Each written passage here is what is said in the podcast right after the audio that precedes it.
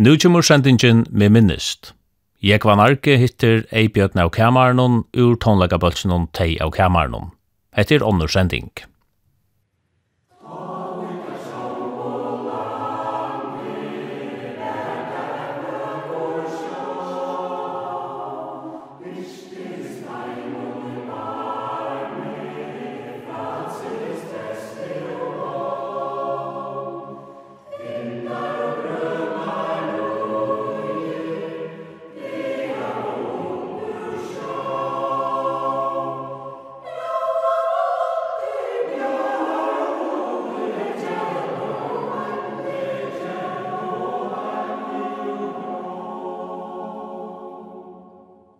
Du nevner at dit flytte ut i Konradsbrekke.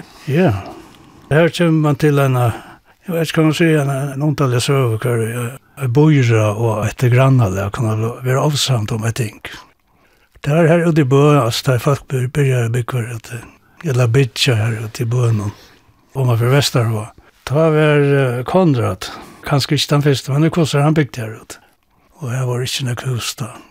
Och han brekkan så, så kom ner efter här fra Smyrnon. Eller kanske fra Vaxbotten kan du si, Fram vid Smyrnon og ner mot kyrkogården. Han bräckan vill jag kalla Konradsbräck. Av ödlund som efter handen kom i byggvär. Det kom ju näggfast med landa nägga familie. Hvis Vi skulle til husene husen och her som jeg växte upp för att vi det. Så är det till överst husene i Konradsbräcken. Så säger stadigvæk.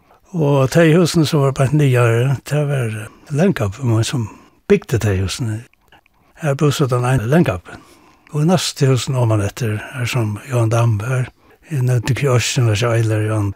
Her bor så hin Lenkapen som Jens Split Dam.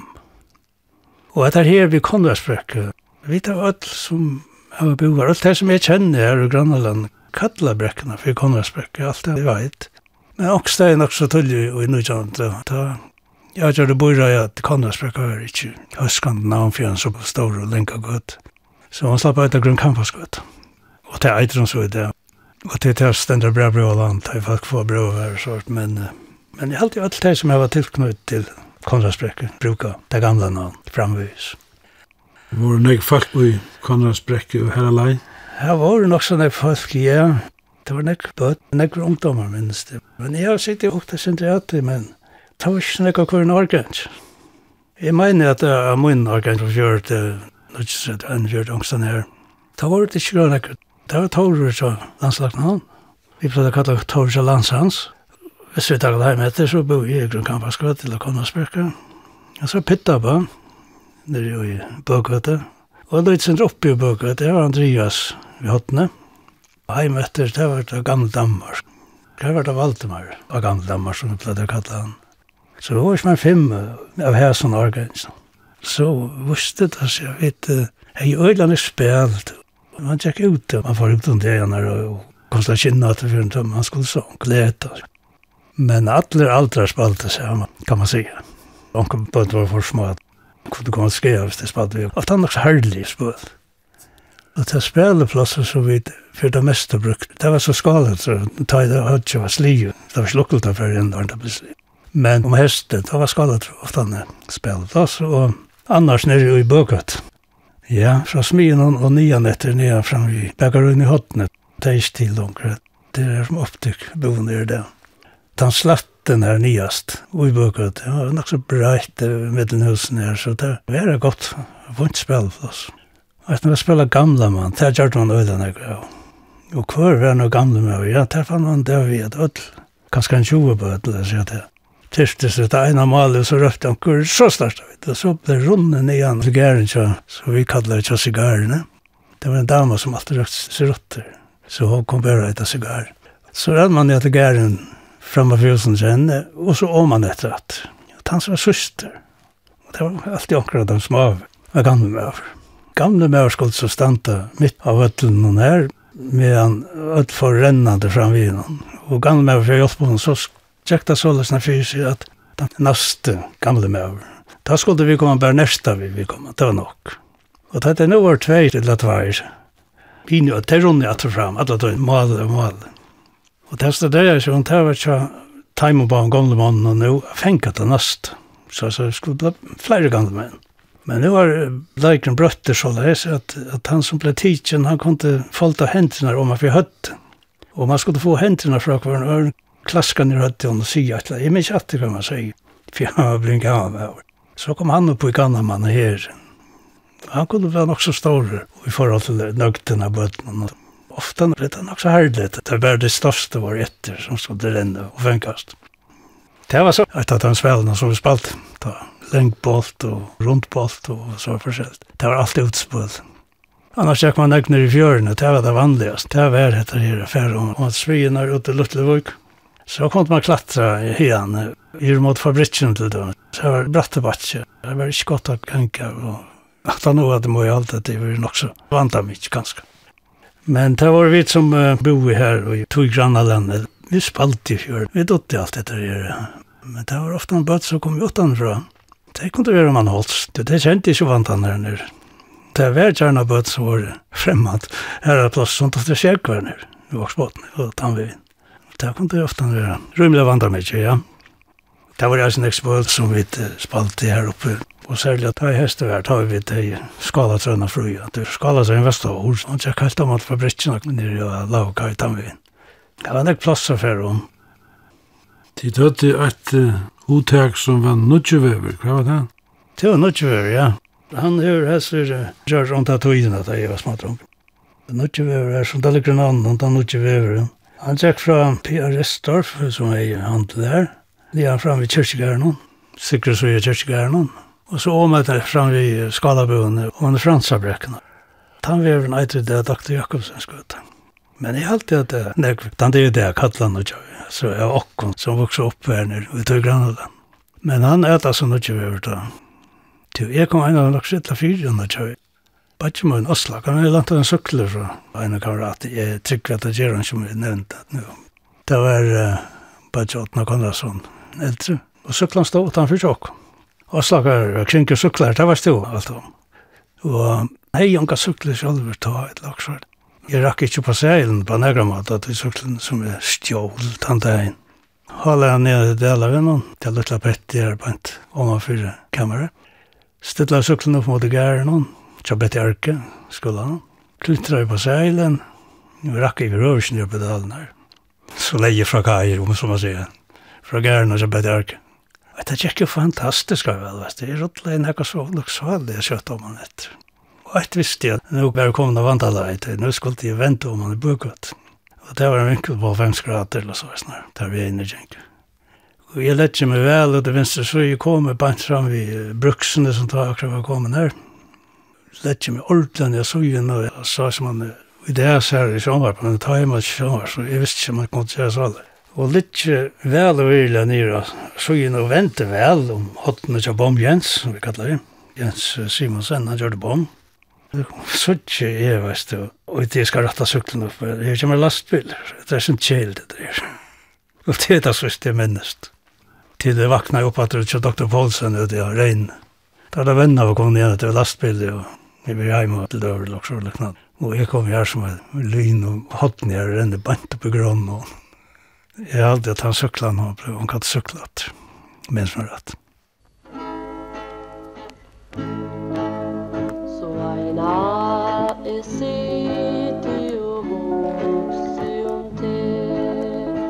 Oh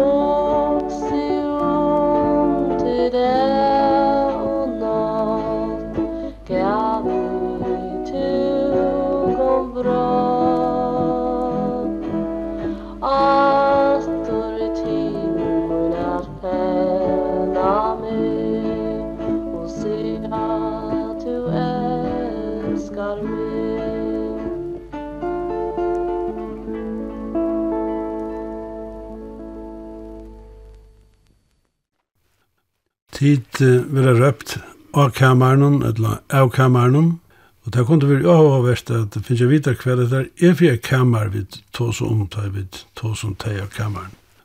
Ja, tar vi tås om teg av kameran, så er det en at som er gå med han, og så styrer jeg til han, ta flyttet til folk, Paul Jakobsen og Sunnova, hans døtter, de ber jo kolt, de flyttet til han der, de blir så atferger og mor og okken her i havn.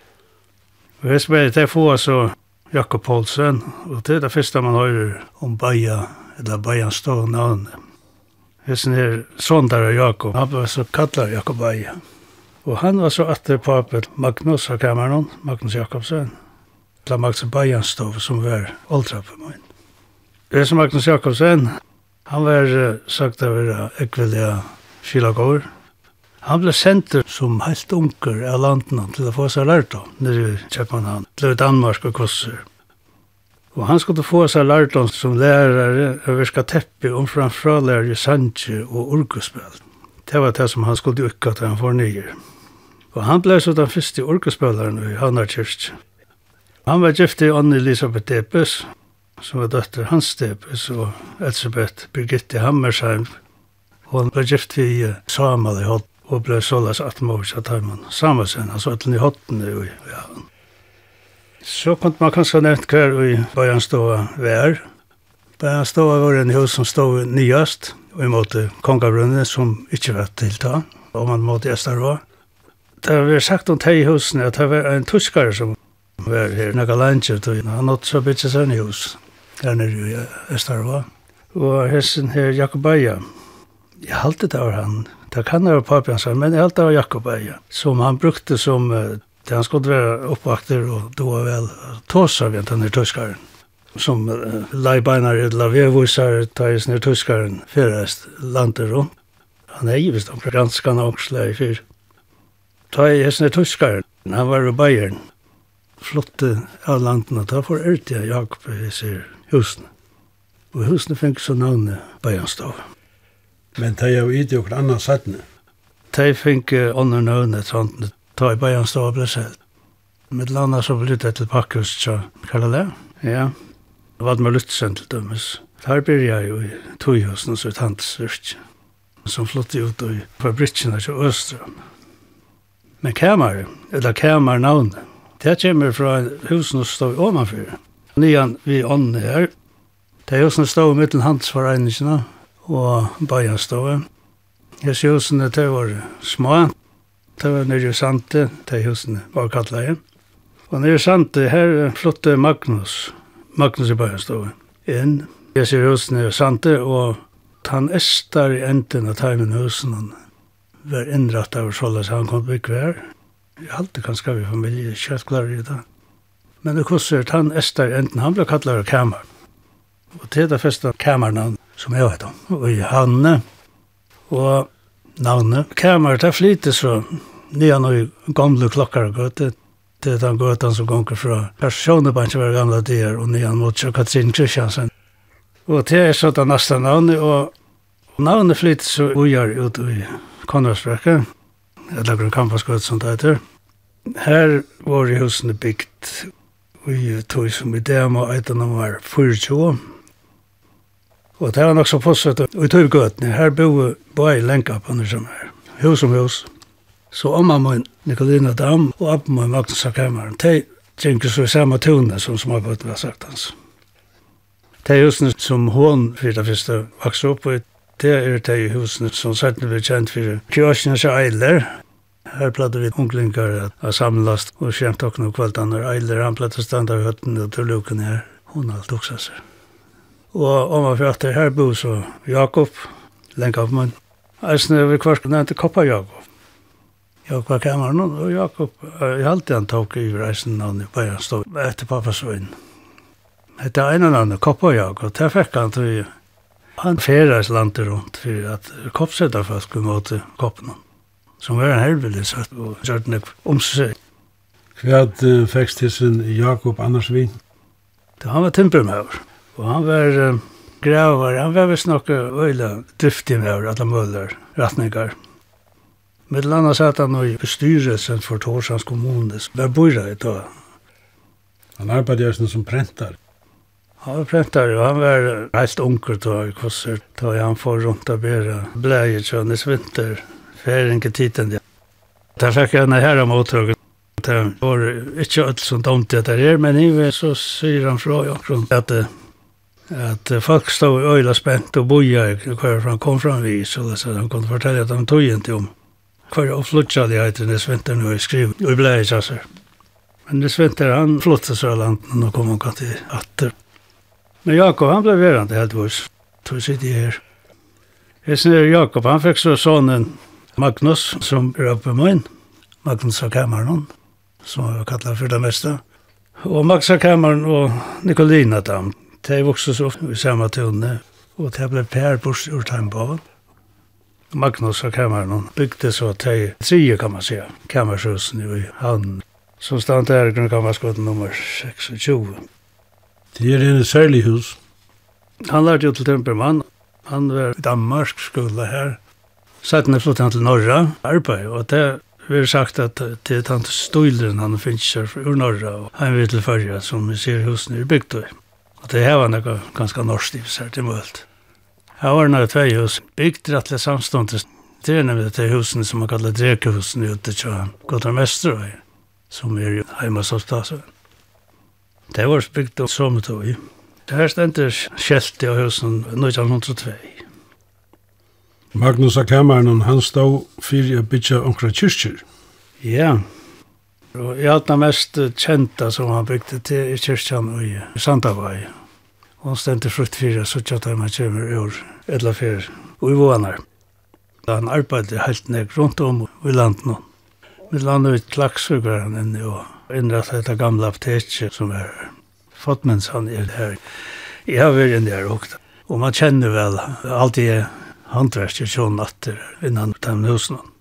Han bygde nekve eller flere hus som kom til Vestervaren.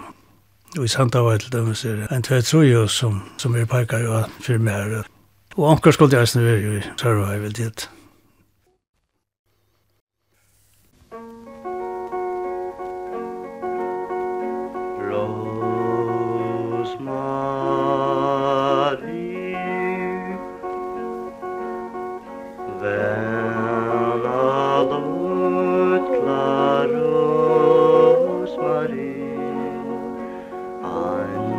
Rosa er pavor som tu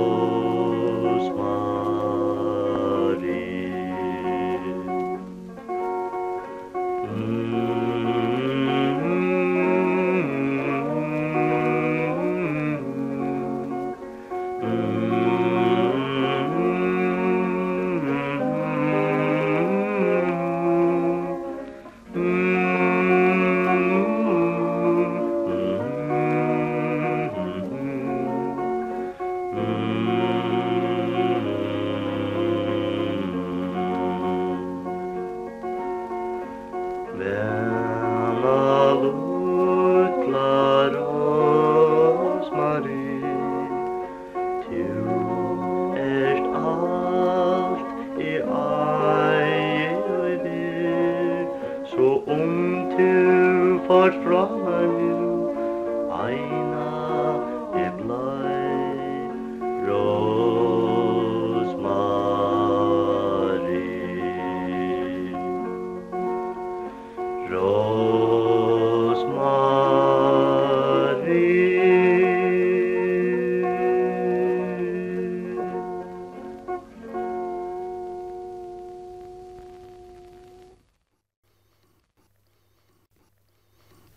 Sæg ratten tjadar, han er Skalavik.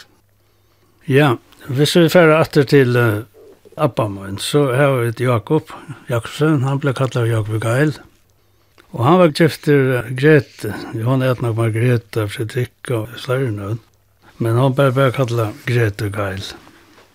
Og de ble få så de bøttene fra Maria, Maria var eldst. Hon leste sjukrasess i Danmark. Hon var ny som ung. Og Og her var hun i sjukrasister og en sjukrus i Holstebro, det er satt i Arne. Og hun flyttet så da hun ble pensjoneret hen til Førja, og bosettes til Geilen i Skalavik. Og her bor hun så til hun døg. Nasta sysken av flotsen, det var Johannes, som var papemann. Han var uh, rattelig unger da han for et sted som sjølmøver. Det var det vanlige å ta at uh, der unge mennene får til kjips. Og han ble så sjåmer, altså Det vaksna lov, kan man si, til en affær, og i cirka 1912, lærer om ta leian, som, som sier, Aran enda sjånen og får på landarbeid. Og sånn som venger er, så arbeider han av Bacalao. Og den tredje satt hjemme, det var Daniel. Heisene kallar Daniel Geil. Daniel, han var sjåmøver, arbeidsmøver, røktingamøver, Han var just en majen, og det er teipet som jeg minnes særlig vel fra tog togene. Tog vidt som småbund. Det er sendt så til skalager, tog hver eneste ferie. Sommerferiereisene, vi må ha en akka 13. for vi. Men det gjør vi så, vi ble sendt her til å ferast. Og det var noe man gløtt seg til, det var avmyndelig fritt og domlig folk. Og så igjen hvis vi teka nok kjøtt og jakt til sysken, så har vi sånne faster. Hun giftes uh, Sigfrid Persson, Han var tvöra med över, han var känt som stånarnas støypeversen, eller cementstøypeversen og ganske. Så jeg var kjesten Osla, hun var næst. Men jeg minnes ikke nek til henne, hun var flott til Osla, så jeg var rettelig unger. Jeg minnes henne, hun med henne og kosser, men jeg minnes ikke nek til henne. Så var det Helvik, eller Helvik. Hun var gift i hans Joros, og de bosettet fra Kvitanese. Den neste, det var Olaver, han var gifter Nanno, og de bor i Skalavik, og det er under Jæbrekka. Og Hildegjer, som eisene bosettes i Skalavik, hun var gift i Leive Vennested Mortensen, og søster et lengste av dem, det var Toralver, som var gifter Olivie Harasen, og de bosettes i Sandavai. Og nå får jeg lade være nevna sysna bøttene sammen. Det må være enn i holdt andre tal i kurser. Det er så lengt å fære om. Så her har vi stått til det verden. Det var borster jeg har stått til ja. Kom tankar om en episode som var utryr som en kanskje seks år gammal. Og det var en herlig sommer. Det var. Og sånne dager, ikke minst. Og man må nå er, skulle kanskje kalla det nok så skrapp med dem, men Men hon var bara blivit och hämta Jeg minnes det ikke noen andre folk var inne. Hun lät meg så ut till sundet att at man skulle lette seg ut i sundet. Man skulle lära pentklatter og ta i kyrkogång till så först. Jag också att de flesta var säkert vid kyrkogång och de var tog att vi ble vår ensamme larm. Jeg bjørn, så jeg hadde minst til, fær ikke og i ånda. Veien, nå var jo spelplås, det var Det er det første. Og man får i morgen, og det sørste man får i om om kveld. Nei, nei, jeg skal ikke føre om. Nei, nei. Det var ikke om. Det er det ikke. Jeg vet at tion, man kunne ikke tro i om. Det er bare stil. Og det som jeg gjør, hun er lett meg å øyla pen myrskabla matrosa klær, stått av bukser, vekrar, flottar, enn blåa jakka, overcoat, vi matrosa krea og kvart og sånn. Men uh, Og hva er det som første jeg gjør kom ut? Det er det at jeg løper så. Nei, jeg løper ikke. Jeg var overhelt. Jeg datt vi ånda. Og pissant til flott vater før jeg gråta når jeg slammet. Jeg fikk kanskje ytterligere så, men jeg helt at jeg skulle sikker hjelpe på passasjen hvis jeg gråta sin så hardt. Men det gjør det bare ikke. Nå ble det så spinnende og Klæene ble skrøtt av meg, og så ble jeg kjuppa opp på trappen her oppe av loftet. Her skulle jeg slippe litt av resten av den at tredje var så flutjallig. Så var jeg slappen også latt, overst alt. Jeg ska inn in i kameran här, lägger mig inte undan. Och nu gamle enkla lutsentra, de var så härliga. De gav mig sånn, så. Hon kom og bera meg en talerska, tog som jeg aldri noe i verene kom til ete eller sopa eller noe som helst. men Det var ballamjölk. Det var mjölballar kokar oppi mjölk, veist. Og jeg klarar ikke at jeg sopa seg ballamjölk. Her er tok en bit i, i munnen, og, han bare vaks i munnen. Og ta i hånden for å komme om han i halva trappen, og så er det nå, løp jeg opp på sannsjene, vinter jeg opp, og så tar Ois tallerkene bollar jeg skal ut i tunene, eller ut, ut i græset, og ta for kaksrent. Og da første hun ser han kommer inn i køtjen, så er det til alle hundene, og i skala vi kommer renna, og få oss her døren. Det var gamle, ikke bare et det var spinnant. Men, men, jeg kunne til vant fra det, det var det. Skalag er en så lengt bygd, hun ligger rundt han om delen, om som man sier. Og mølene ned og hjemmer, og, og så atler vi rundt. Og overst i hus, og så ned til lojer, og utater under Heabrekket. Og var god bygd over, det var øyla nekker ungdommer her. Det var nek spel der, tjokken, unglingon. Det var en sorgles, en fru, tui, ta og i senast fjörden og alla trussen hesten som vi helt ofta nu var sår i fyrir hesten. Hey, Bjørn, du har ångt nevnt at uh, du byrja i arbeidet da du var tutsjara gammal. Ja, jeg halte jeg loj, jeg halte jeg var etle, men det var ångst her om en loj. Cirka en halv trus. Jeg var skola dronker ta, og ta jakk man skola så fyrst litt kvant, ja. Bursar fra deg skolkar, det er hervelig skolkar, ta meg nok. Vi kan gang. Lotte, sørsten var mot Lotte Kjøjens, som vi kallar han. Han var båtronker og dampfaskarøyne som det ta. Færøynes dampfaskeri og fjeterenser, vokser det at. Til uh, jeg var og medel i øvnsjokker til han slapp arbeid, men Lotte var oss tve år eldre enn jeg korsen, så det var ganske ikke skje til det. Men jeg pleier så filtra seg i hånden, og en av affær så var så nøkva av varste der, og så kom jeg spyrja hva at himma snart gjør det vaska ro i, og i hånden, så løyte som hun var. Men det var så, vaskemaskinen var ikke til. Det var vanlig at det var det arbeidsjenter der, som de aller fleste husen i, i havnen hadde en arbeidsjenter. Der stod skruppa i tøy og, og vaskebrettet, og, akkurat krabaljes, og holdt ut, og så ble det tidsen i natter, og Da ser man kvart sønne, men det var grunnen jeg som brukte vaskar røye korsene til at vaskar sanja klær. Da kan det altså være vanlige klær, ikke la vaska, men det er vanlige klær, det blir kortere enn sarvi. Og det var seg at det var så store nøgter at det var nøyet at køyra det ut. Det var mye kan lensjer og, og rindsjuturer ofte. Det kan det være øtnarverk som har forrest det. Det var en spesiell sykla, en sånn båsykla, vi har noen bagasjebærer måtte være leite, som var så alloksaler enn hva sykla. Jeg har alltid ikke at jeg nærkant dotti av sykla vi igjen. Man brukte den oppe her til å sleipa til leva pakkan. Men til jeg kunne gjøre turer helt ut i strånd, og så turer helt åttast av marsnøysvinnen. Og nian i Jogn Bojen, at det her som jeg ikke var kjent Men uh, det var så det første, kan jeg si, arbeid som jeg heiet det var vel lønt, men som er alt. Det er for 55 kroner i måneden. Det er ikke penger da, da. Det var godt å se at du huset alt nå. Papi, han var alltid borster, han var trådere med over. Og tar avrockning, kom til at jeg kom, at han var, og vel at han var enda. At jeg var kommet hjemme, tror jeg, tror. Det var så var vi røymelig land ikke alltid. Og så er det til om vi skal nevne skolan, det er samme samband, det er mye enn ganske skolan. Det var ikke lært det vel. Jeg stod gjerne for forskolen noen der i midtelen.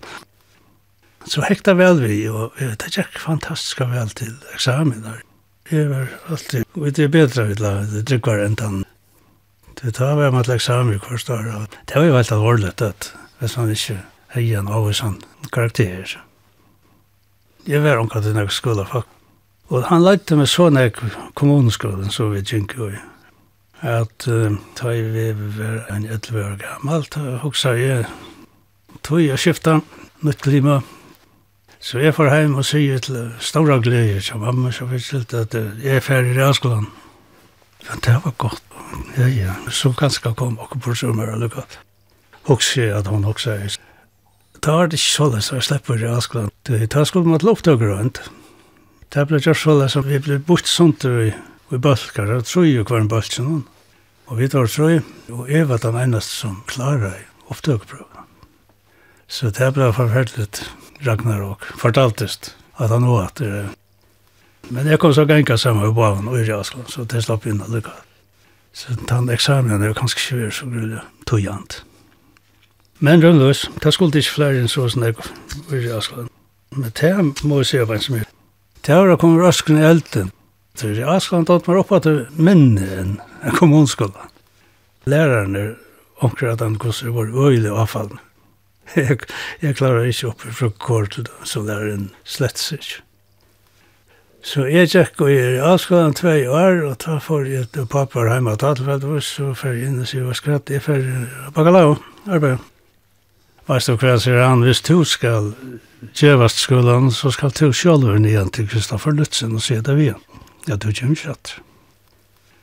Og jeg får ned til hans her, ja, han, det var godt, så han ute, nesten for å gråte at jeg skulle være i skolen. Men det måtte ikke nerve han, jeg, det kan ikke stille meg. Jeg kom altså ikke til skolen morgen. Nå, hva er det gale? Nei, jeg tror ikke jeg skolen morgen. Ja, men så er det nok ikke gjør skolen, sier jeg. Ja, ja, her skiltes det så pura samt det bare at skolen var ikke noe for meg. Thank.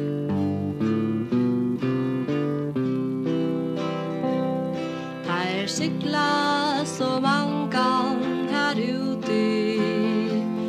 Her er stormoren och i landet fer. Og brått kan han knusa til skuto Som iver hävig tar bär många fer.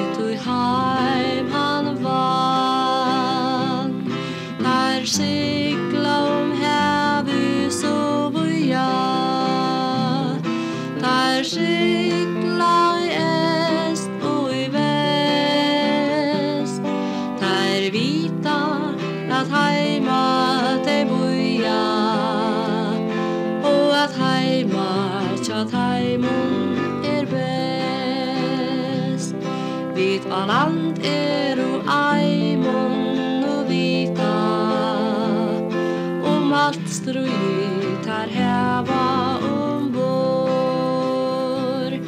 Men vit åt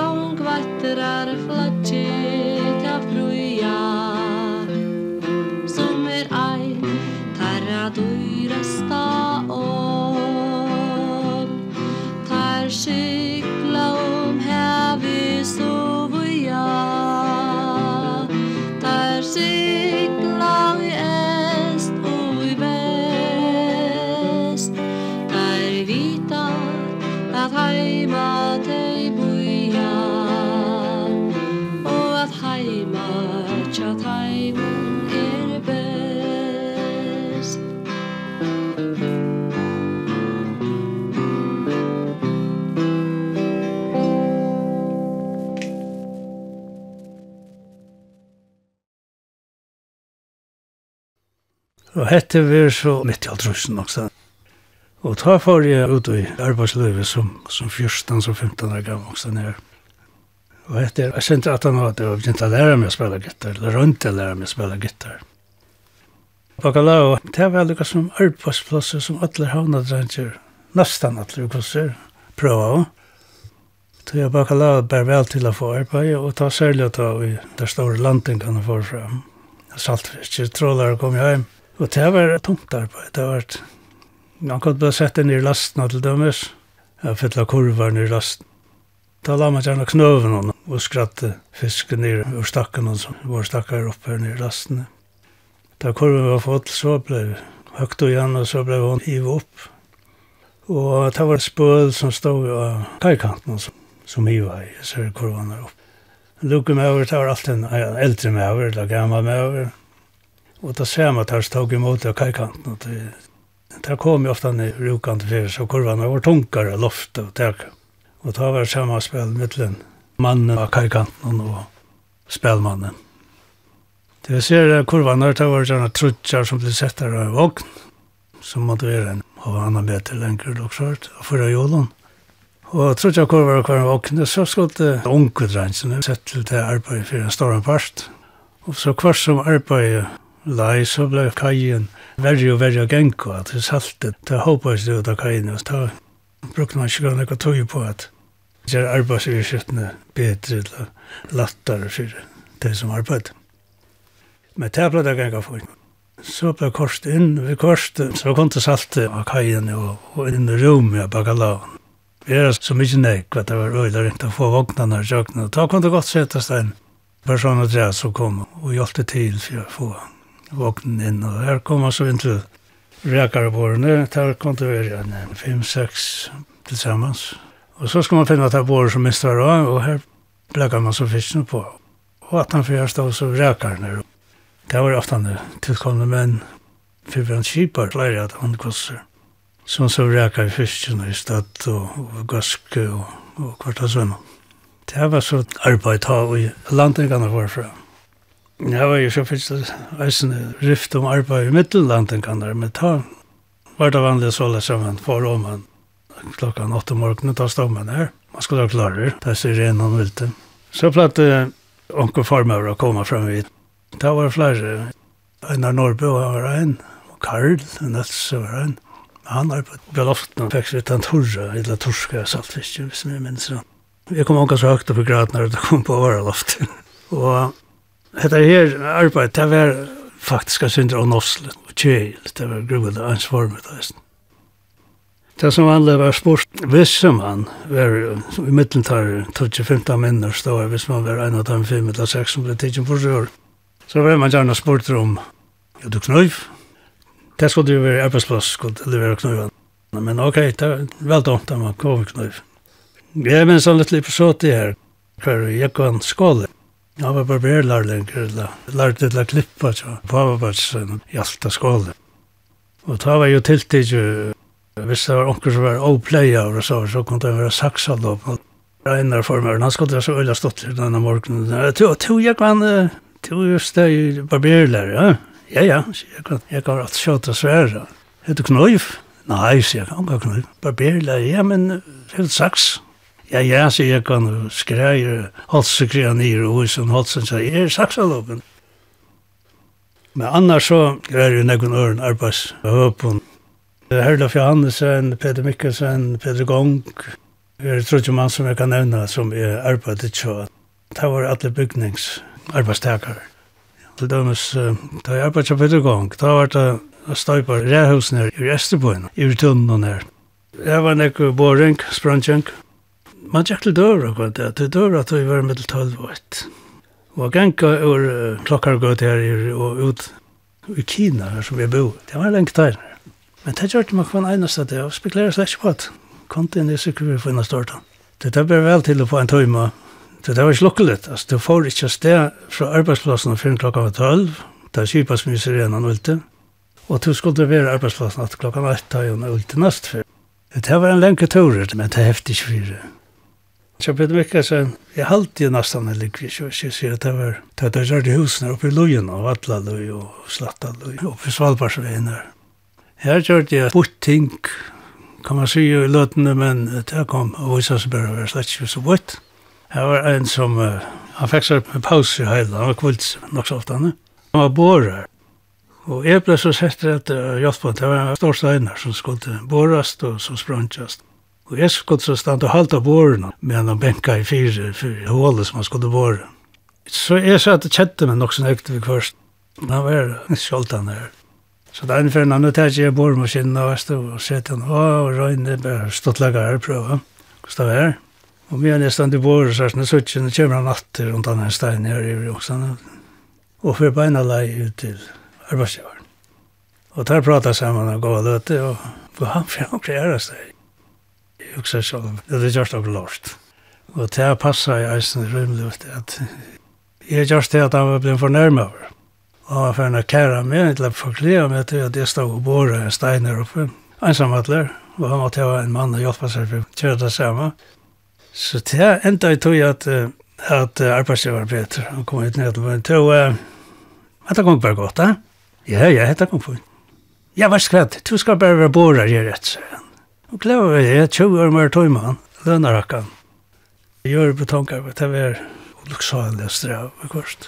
Blantemaskiner, det var nok så vanlige, men det var nøkker arbeidsgjøver som også er en tvers og fyra blantingar, eller til dømes til et eller annet trappbil også, eller noe. Det er ikke noe som er for at dolkane maskiner på, det skulle bare blantas jo. Det var tungt, ja. Det var ikke som er det skulle blandast og støytast og på rykkene og så lempast upp i tredje bör och så. Det var inte pass, alltså, i över.